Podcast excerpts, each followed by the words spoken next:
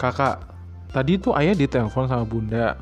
Katanya nilai biologi kamu turun ya? Kamu nggak belajar, Kak? Rara udah belajar ya, tapi mungkin memang kemampuan Laras gitu. Ingat loh, Kak. Ayah itu dokter. Tahun ini kamu udah kelas 3 dan hampir lulus. Pokoknya ayah nggak mau tahu kalau nilai-nilai untuk nantinya jadi dokter itu turun. Pokoknya sekarang kamu harus fokus dulu untuk belajar ya kak. Iya ya.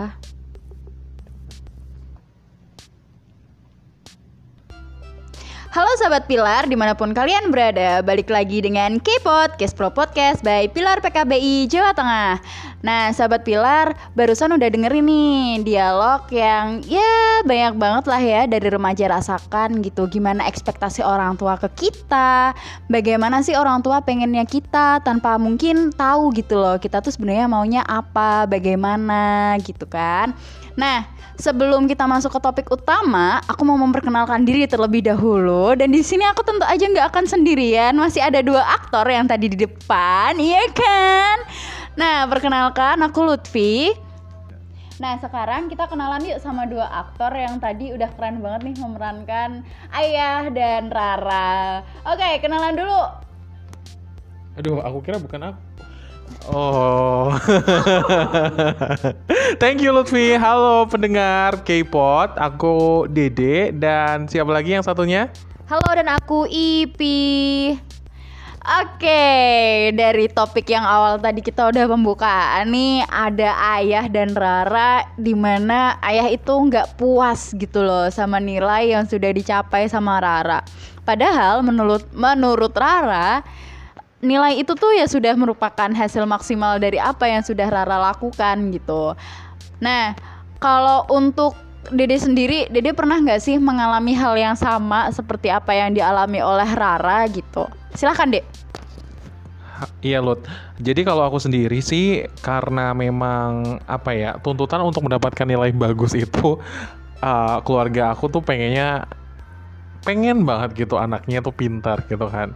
Tapi kadang tidak relate dengan aku yang mungkin sudah belajar tapi nilainya kok pas-pasan saja gitu di mata pelajaran misalnya waktu SD yang memang susah gitu. Untuk mata pelajaran yang uh, mungkin bisa dikatakan tidak kayak matematika, IPA gitu malah aku bagus gitu loh teman-teman. Nah di sisi lain aku mencoba untuk kayak meyakinkan juga kepada orang tua ini loh uh, Bu, Pak ternyata di sisi lain aku pinter di IPS gitu nilaiku lumayan bagus untuk IPS. Nah, bagaimana sih uh, orang tua aku ketika aku jelasin kayak gitu mungkin teman-teman kepo juga. Ya pastinya mereka nggak pengen tahu. Pokoknya nilainya harus bagus. Di sisi lain apa ya tipe keluargaku tuh mungkin belum yang se apa ya kayak naruh anaknya ke tempat les ataupun ya mencari guru untuk benar-benar ngajarin. Jadi tuh sistemnya tuh kayak aku disuruh ya udah belajar di sekolah aja dengan teman-teman biasanya. Ya udah belajar sama si A aja tuh kan dia pintar. Biasanya lebih kayak gitu sih Lut. Nah, kalau dari Kak Ipi sendiri nih, ada perspektif yang berbeda atau enggak? Atau mungkin gimana sih cara orang tua Kak Ipi untuk memberikan standar-standar tersendiri sama Kak Ipi? Ada enggak? Oke, kalau aku mungkin apa ya kayak orang tua aku tidak pernah menargetkan aku harus mendapat nilai bagus, harus mendapat nilai yang uh, maksimal itu enggak. Karena uh, apa ya kayak orang tua aku lebih yang penting aku belajar dan aku mampu, aku bisa kayak gitu. Jadi memang uh, dari dulu aku nggak merasa tertuntut untuk uh, mendapatkan nilai bagus, kemudian harus peringkat satu itu enggak. Tapi memang uh, meskipun kayak gitu aku tetap berusaha untuk bisa dong membuktikan bahwa aku bisa ke orang tua gitu ya tetap dengan aku belajar kemudian aku meraih peringkat meskipun nggak peringkat satu ya peringkat tiga mungkin aku tetap uh, menunjukkan bahwa aku bisa dan aku berusaha kayak gitu sih Oke, tapi kok kayaknya nggak ada yang nanyain aku ya pengalamannya gimana? Sini sini sini aku tanya. Kalau Lutfi sendiri gimana tuh tadi setelah mendengar atau melihat juga pempraktekan oh pempraktekan visual yang uh, Ipih dan Dede lakukan nih Oke, kalau misalnya dari aku sendiri sih tadi dari Kak Ipi kayak gitu, dari Dede sendiri juga gitu kan. Beda banget gitu loh kayak uh, bertabrakan banget kan di mana kalau orang tuanya Kak Ipi tuh mendukung sepenuh hati Kak Ipi mau seperti apa, bahkan tidak menerapkan standar-standar tertentu kan Kak Ipi, malah Kak Ipinya sendiri yang punya standar tersendiri untuk ini loh aku tuh bisa, ini loh orang tua aku tuh nggak mengecewakan, ah nggak aku tidak mengecewakan orang tua. Aduh gimana sih belibet ya gue. Kalau Dede kan tadi orang tua punya terus uh, apa ya standar tersendiri gitu. Nah, aku di sini sama kayak Dede Mbak Ipi. Jadi tuh uh, kalau orang tua aku karena orang tua kan kebetulan guru ya, di mana ya lingkungannya akan berkumpul juga sama guru-guru gitu kan ya terus abis itu anak-anak guru kan terkenalnya pinter jenius gitu kan jadi tuh aku sering diginiin kamu tuh mbok coba gitu loh jadi kayak mbak A gitu. Mbak A tuh sekarang udah jadi dokter. Masa kamu nggak mau jadi dokter? Padahal aku sendiri sadar kemampuanku nggak sampai situ ya kan? Terus dulu waktu SMA akhirnya aku tuh pengen ambil IPS karena aku sadar banget aku nggak pintar di matematika biologi kimia apalagi fisika gitu loh yang kalau kita udah masukin satu rumus bisa lagi masuk satu rumus masuk lagi satu rumus. Satu soal tuh yang bisa sampai berjuta-juta rumus kepake gitu loh.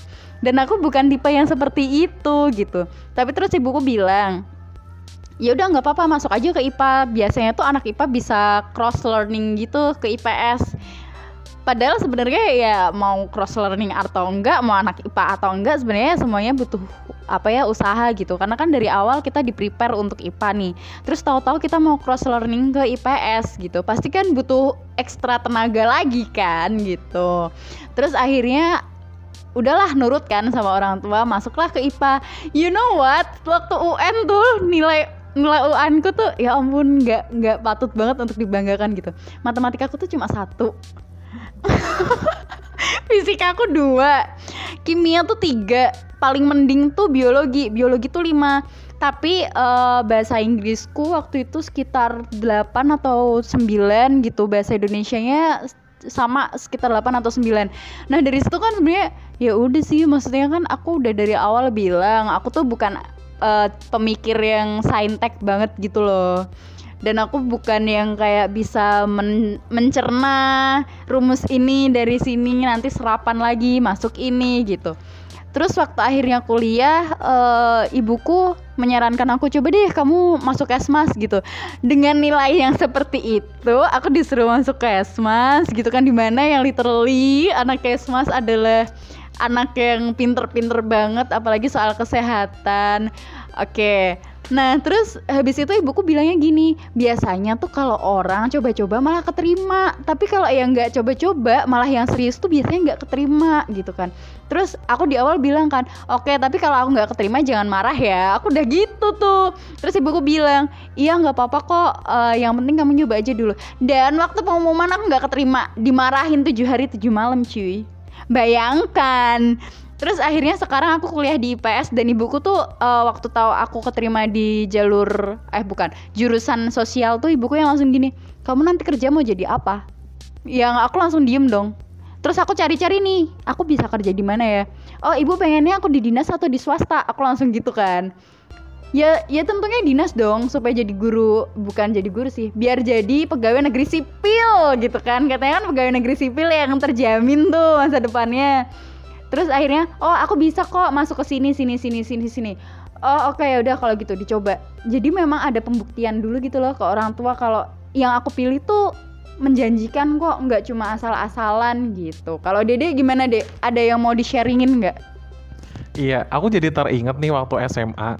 Jadi tuh aku bener-bener apa ya, udah kayak pede banget gitu loh. Hmm. Sejatinya aku baru tahu bahwasannya diriku IPS banget itu waktu ya kuliah. Sekarang ini hmm. ternyata tuh aku IPS banget. Jadi dulu aku IPA terus sebenarnya nggak ada untuk kayak plotting orang tua kamu mau masuk harus masuk IPA atau harus masuk IPS tapi aku karena gengsi sih dulu ya. Oh. jadi kalau anak IPS tuh apa ya orang tuh banyak yang ngomong eh anak IPS nggak pinter gitu loh. Terus anak IPA yang paling pinter.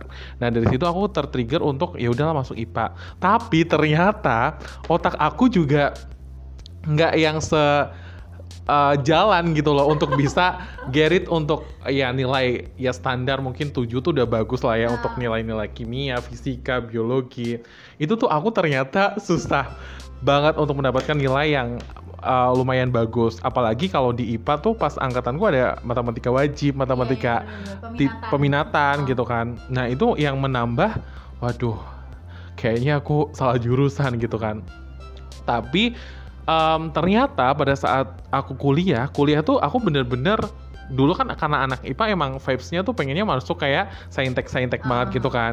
Nah dari situ sebenarnya orang tua aku nggak yang itu juga sih maksudnya kamu mau jurusan apa. Yang penting tuh orang tua aku lebih yo yang penting udah masuk mereka mau membiayai mau mereka eh, mereka mau membiayai eh, dari jurusan apa yang aku pilih.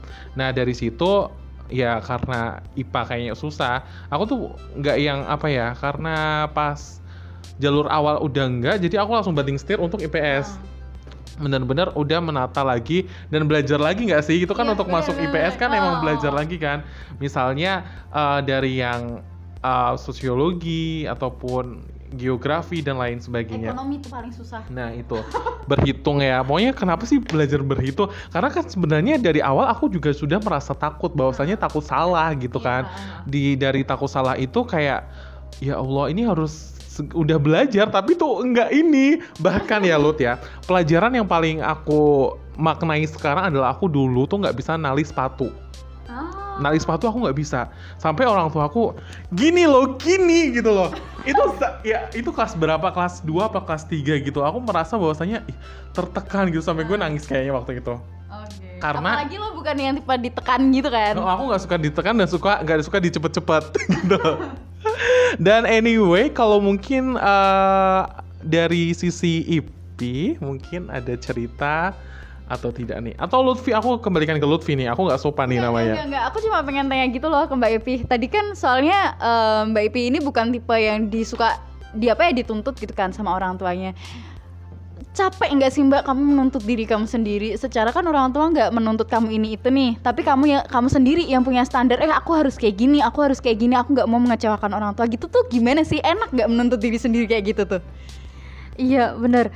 Eh, aku sampai dulu pernah berpikir kayak kok aku nggak kayak teman-temanku ya. Kayak misalkan teman-temanku itu eh dituntut belajar keras gini supaya nanti bisa ini ini ini. Kok aku enggak ya? Aku malah mikir gitu loh kayak Yang mungkin- lain nggak mau dituntut, dia minta dituntut. iya sampai kayak kebalikan kan terus kayak misalkan kayak diberi kebebasan misal kadang aku sendiri kan aku tipikal orang yang kadang susah juga untuk menentukan pilihan nah aku tuh pengennya kayak Mbak aku dikasih ini loh apa aku dikasih pilihan gitu biar aku manut lah sama orang tua tapi enggak orang tua aku tuh bener-bener demokrasi apa ya demokratis Demokratis.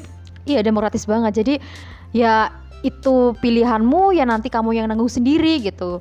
Jadi ya capek sih kadang kayak menuntut diri sendiri juga capek. Makanya kadang aku pengen gimana sih rasanya dituntut sama orang tua gitu. Sampai sekarang pun aku merasa aku nggak mendapatkan tuntutan apa pun gitu dari orang tua kecuali ya menjadi orang yang bermanfaat gitu sih. itu itu tetap jadi tuntutan orang tua. Tapi kalau untuk kayak masalah akademik terus kayak masalah mungkin sekarang aku pekerjaan Hmm. Orang tua kan nggak menuntut yang aneh-aneh sih yang penting eh, aku bisa menikmati dan aku bisa tetap Enjoy. enjoy. itu udah cukup sih buat orang tua tapi tetap capek juga ya menuntut diri sendiri ternyata gitu. Oke, jadi sebenarnya di sini bukan hanya faktor eksternal guys yang menekan kita. Dari Mbak Ipih kita belajar faktor internal dari kita sendiri itu yang juga melelahkan loh gitu. Nah, di sini tuh eh, mungkin kita sharing-sharing ya.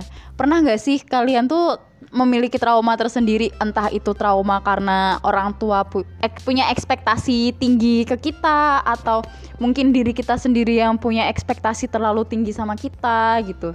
Kan itu kan tekanan-tekanan yang kadang nggak bisa kita handle lagi nih. Kalau misalnya udah kayak gitu biasanya kalian ngapain sih gitu. Dari siapa dulu nih? Boleh dari dulu. Ayo siapa? Siapa? Siapa karena Mbak Ipi mikir dulu jadi aku ya. Waduh.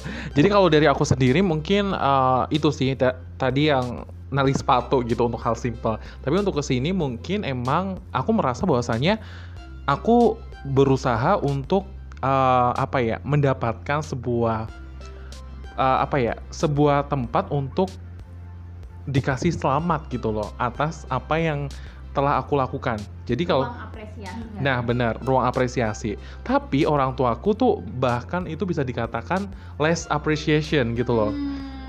Itu kayak aku bahkan ya, aku mau cerita ini. Jadi achievement aku di kuliah itu menurut aku ini sudah sangat membanggakan bagi diriku gitu kan.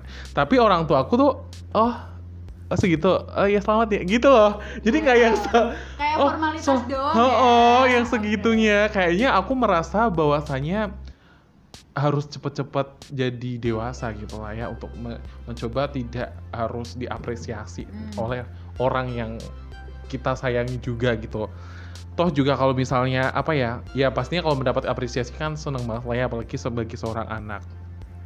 Dengan nilai bagus saat kuliah kan itu kayak susah sih walaupun kayak misalnya oh semester kemarin lumayan turun nih terus pas cerita sama orang tua kebetulan kan aku agak jauh sama orang tua beda beda tempat gitu. Nah pas ketemu bu ini loh nilai aku dari yang semester satu kedua naik lumayan gitu. Dan mereka yang bener-bener ya udah gitu. Loh itu yang ngena banget sih. Tapi itu sebagai pacuan aku untuk ayo ini kamu harus dapat uh, ngikutin ini dan menang ataupun meningkatkan lagi nilainya. Tapi aku merasa bahwasanya aku berjuang buat siapa sih gitu loh. Dan aku cuma kayak pengen diapresiasi oleh orang tua seperti itu loh kalau dari aku Kalau Mbak Ivi gimana? Tadi kayaknya udah iya nih Gia, iya benar benar benar gitu gitu. Gimana Mbak Ivi? Iya, mungkin aku sama ya kayak Dede. Karena mungkin orang tuaku nggak menuntut, jadi kayak orang tuaku nggak punya kewajiban untuk memberikan apresiasi kayak gitu loh. Kadang aku aku dulu pernah waktu SD aku pernah dapat ranking 3 waktu itu kalau nggak salah. Nah, aku tuh kayak pengen kayak diucapin selamat ya kayak gitu. Tapi iya. Tapi enggak gitu loh. Kayak orang tuaku memang nggak yang terlalu selamat ya terus kayak memberikan sesuatu ini ini tuh enggak. Jadi kayak ya terkadang butuh apres apa ya apresiasi tuh perlu gitu ya. Meskipun kadang aku sudah cukup bebas uh, karena tidak dituntut untuk ABC sama orang tuaku tapi ternyata aku juga butuh apresiasi gitu. Gitu sih. Oke, jadi sebenarnya kita tuh di sini butuh ya yang namanya diapresiasi, apalagi sama orang tua, entah itu orang tua menuntut kita atau enggak gitu. Karena ya sebagai anak tuh kita butuh lah yang namanya kasih sayang gitu. Menunjukkan kasih sayang kan bukan cuma hanya dengan kamu dipeluk, kamu diapain gitu kan, tapi dengan selamat ya, kamu udah dapat nilai yang bagus nih gitu. Walaupun gak dikasih barang, gak dikasih apa gitu, itu udah suatu hal yang menyenangkan untuk kita seorang anak gitu kan. Nah, kalau misalnya pernah nggak sih kalian akhirnya berdebat soal sesuatu gitu? Misal nih ketika kalian menyampaikan, mah kok aku nggak pernah dikasih apresiasi sih soal apa pun yang aku lakukan, padahal kan ini aku udah dapet nilai bagus loh untuk membanggakan kalian gitu. Tapi terus orang tua bilang, apa sih kamu tuh kok kayak anak kecil apa-apa dikit mintanya diginiin mintanya digituin. Pernah nggak sih? Atau mungkin bahkan eh, ini aku ya kejadian sendiri gitu loh. Jadi ketika eh, aku tuh debat gitu sama orang tua bukan debat sih maksudnya apa ya beradu argumen gitu kan. Jadi orang tua aku berargumen kalau kamu tuh bisa kayak ini ya waktu masuk ke kesmas itu. Kamu tuh bisa orang kamu tuh pinter nana nana ye ye ye ye gitu. Terus ketika aku nyampein Ibu, tapi tuh nilai aku cuma bisanya segini. Aku tuh nggak nyampe kalau harus mikir yang kayak gini gini gini. Terus habis itu dikatain, "Alah, kamu tuh durhaka sama orang tua, mentang-mentang udah besar, udah berani ngelawan orang tua." Padahal itu ya apa yang kita rasakan doang gitu loh. Itu adalah ya aku kan menyampaikan apa yang aku rasakan. Masa dengan gitu doang aku dikatain durhaka gitu. Nah, teman-teman punya nggak sih pengalaman yang sama dari siapa dulu? Dede dulu atau Ipi dulu? Kak Ipi dulu. Dari Mbak Ipi dulu. Oke, silahkan. Iya, mungkin kalau aku dikatain durhaka itu kalau misalkan kita lagi bertengkar ya sama Oh. ibuku misal gitu. Aku kalau dibilangin terus ya aku sebagai seorang anak dan sebagai seorang manusia, aku kan mesti punya kayak ego untuk membela diri gitu kan. Nah, kadang ketika ketika aku membela diri kadang malah ibuku justru bilang kamu itu udah berani-berani ya apa uh, mendapat orang tua gini gini gini dan menurut aku itu kayak ya cukup apa ya mungkin banyak orang juga yang ngalamin apa yang aku alamin sih. Jadi aku kalau uh, dibilang durhaka itu ya ketika kita lagi berdebat dan kita lagi apa ya marahan gitu loh. Hmm. sih kalau Dede gimana Dede? Kalau aku sih sama tapi tuntutannya lebih besar karena aku sebagai anak laki-laki gitu kan maksudnya akan jenjangnya itu apa yang akan difikirkan itu lebih akan banyak hmm. dari yang segmen akan mencari jodoh terus pengennya orang tua have to apa ya mendapatkan dari apa yang hasil kita gitu kan bahkan sebelum ini uh, karena kan kita ini kan ya kita sama kita itu aku sama Lutfi ya. Itu semester akhir gitu lah ya Lut mungkin Lutfi merasakan juga. Tuntutannya itu malah orang tua udah menuntut besok kerja di sini ya. Loh kamu lulusannya besok jadi apa toh? Gitu kan. Masih yang sekepo itu padahal kita sebelumnya udah jelasin gitu kan. Nah dari situ mungkin uh, orang tua sudah mulai uh, pasang kuda-kuda nih untuk misalnya mempersiapkan sebenarnya nantinya anaknya itu akan jadi apa. Nah dari situ kadang yang bikin apa ya hmm, sedikit uh, semangatnya menurun justru. Kayak misalnya kamu tuh orang tua ngomong nggak mau dengerin sekalinya ini malah ngomongnya nggak yang ini gitu kan. Nyakitin gitu kan. Kamu tuh iya bener aku dapat kayak gitu. Apa ya jadi apalagi kalau apa ya kok jadi terus? Maaf ya pendengar jadi aku mau ngomong maksudnya jarak antara aku sama ibu kan kebetulan jauh jadi komunikasi cuma bisa pakai WhatsApp nah itu apa ya sebuah dari komunikasi yang baik itu kan karena seringnya berkomunikasi. Nah ini jarang jadinya mungkin uh, beliau merasakan bahwasanya aku oh ngomongnya kasar. Padahal kita ngomongnya ya sudah slow lah ya. Kita udah mulai ngerti teknik bagaimana menyampaikan uh, informasi ataupun argumen yang kita pengen sampaikan dengan hal baik gitu loh. Nah, berarti kan di sini ada ketidakpercayaan nih ya antara orang tua ke kita. Kalau misalnya kayak gitu tuh apa sih yang dirasain? Kalau jujur aku sih merasa kayak sakit hati gitu loh karena di satu sisi ya aku melakukan ini semua untuk orang tua. Tapi kenapa sih orang tua itu nggak percaya gitu sama aku? Padahal ya balik lagi ini semua aku lakukan bukan semata-mata untuk diriku sendiri tapi juga untuk orang tua. Kalau dari perspektif kalian berdua seperti apa? Oke. Okay. Uh, eh, kalau dari aku aku apa ya kayak satu hal yang paling menyakitkan di dunia ini itu salah satunya adalah tidak dipercayai gitu sih. Jadi ketika apalagi seorang tua ya, orang tua itu kan uh, harusnya menjadi uh, sosok yang paling dekat dengan kita, tapi kok tidak percaya, itu pasti akan sangat aduh sakit banget. Gak tahu pokoknya itu nggak bisa diungkapin lah pokoknya itu sakit banget dan kayak orang tua kita aja nggak percaya apalagi orang lain gitu sehingga itu akan ber, apa ya berdampak pada uh, kurangnya kepercayaan diri kita sendiri gitu hmm. sih. Jadi tentunya kalau misalkan orang tua kita nggak percaya dengan kita ya hal pertama yang bisa aku ucapkan adalah sakit. Oke okay, dede. Kalau dari aku sih emang kayaknya ibu aku apa ya kurang percaya banget sih sama aku untuk karena mungkin karena anak pertama ya jadi bener-bener kayak menyesuaikan untuk uh, orang tua nggak pengen disalahkan atas uh, apa ya namanya ya hal-hal yang mungkin kita sampaikan kurang baik gitu kan. Jadi kan jadinya tuh kadang kalau cerita tentang hal kayak gitu malah melebar ke mana-mana gitu kan. Makanya aku mengurangi untuk komunikasi yang bener-bener kayak udah mau melebar jauh gitu. Aku nggak lagi kurang suka banget gitu. Apalagi kalau orang tua aku tuh sensitif ya mungkin ya. Karena emang bener-bener ya anaknya udah mahasiswa akhir mau kerja di mana itu aduh semakin pusing. Oke, jadi uh, ya kita dengan orang tua itu kalau misal komunikasi nggak bagus-bagus banget, jadi bingung kan ya mau gimana, mau apa gitu. Ya karena gimana pun juga orang tua punya ekspektasi tersendiri ke kita. Kita juga pengen lah membuktikan kalau kita tuh sebenarnya mampu kok. Cuma tolonglah kasih kita kepercayaan sedikit gitu.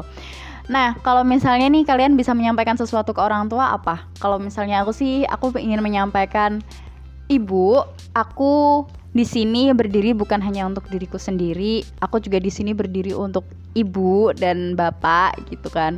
Jadi tolong beri aku kepercayaan walaupun sedikit. Itu sih yang pengen aku sampaikan. Kalau dari KIP ataupun Dede, apa nih? Dek? Aku pengen menyampaikan, Bu, sabar dulu ya. Aku juga pengen bernafas untuk memikirkan. Mungkin aku udah memikirkan, tapi karena Ibu sering kayak menuntut lebih ataupun sering berekspektasi komparasi dengan anak-anaknya teman-teman Ibu atau bahkan melihat sesuatu yang achievement achievement yang mungkin itu emang levelnya udah tinggi, tapi kan uh, aku lulus aja belum. Bahkan untuk mikir skripsi aja itu perlu ini banget lah ya. Uh, ya anaknya diberi kepercayaan dulu untuk menyelesaikan dulu nanti setelah itu ya dikasih waktu untuk bernafas mau ke mana atau bagaimananya. Tapi aku yang jelas sayang ibu dan ayah kok. Wes. Oke. Lanjut. Lanjut. Oke, uh, kalau misalkan aku dikasih kesempatan untuk ngomong ke bapak ibuku, uh. aku mau bilang, Bapak, Ibu terima kasih karena sudah tidak banyak menuntut anakmu dan selalu memberikan kebebasan untuk menentukan pilihannya sendiri dan percayalah bahwa apa yang aku lakukan saat ini itu semata-mata bukan hanya untuk hmm. diriku sendiri gitu ya tapi juga untuk kebaikan kita semua khususnya untuk kebaikan bapak dan ibu terima kasih bapak dan ibu Oke, okay, uh, eh, di sini suasananya haru biru nih karena kita semua uh, sudah bisa apa ya menyadari bahwa oh ternyata ekspektasi orang tua kita itu memang ada dan itu besar gitu loh. Maka dari itu uh, pengen bilang aja sih kita semua hebat kok karena kita sudah bisa memanggul ekspektasi itu dengan baik.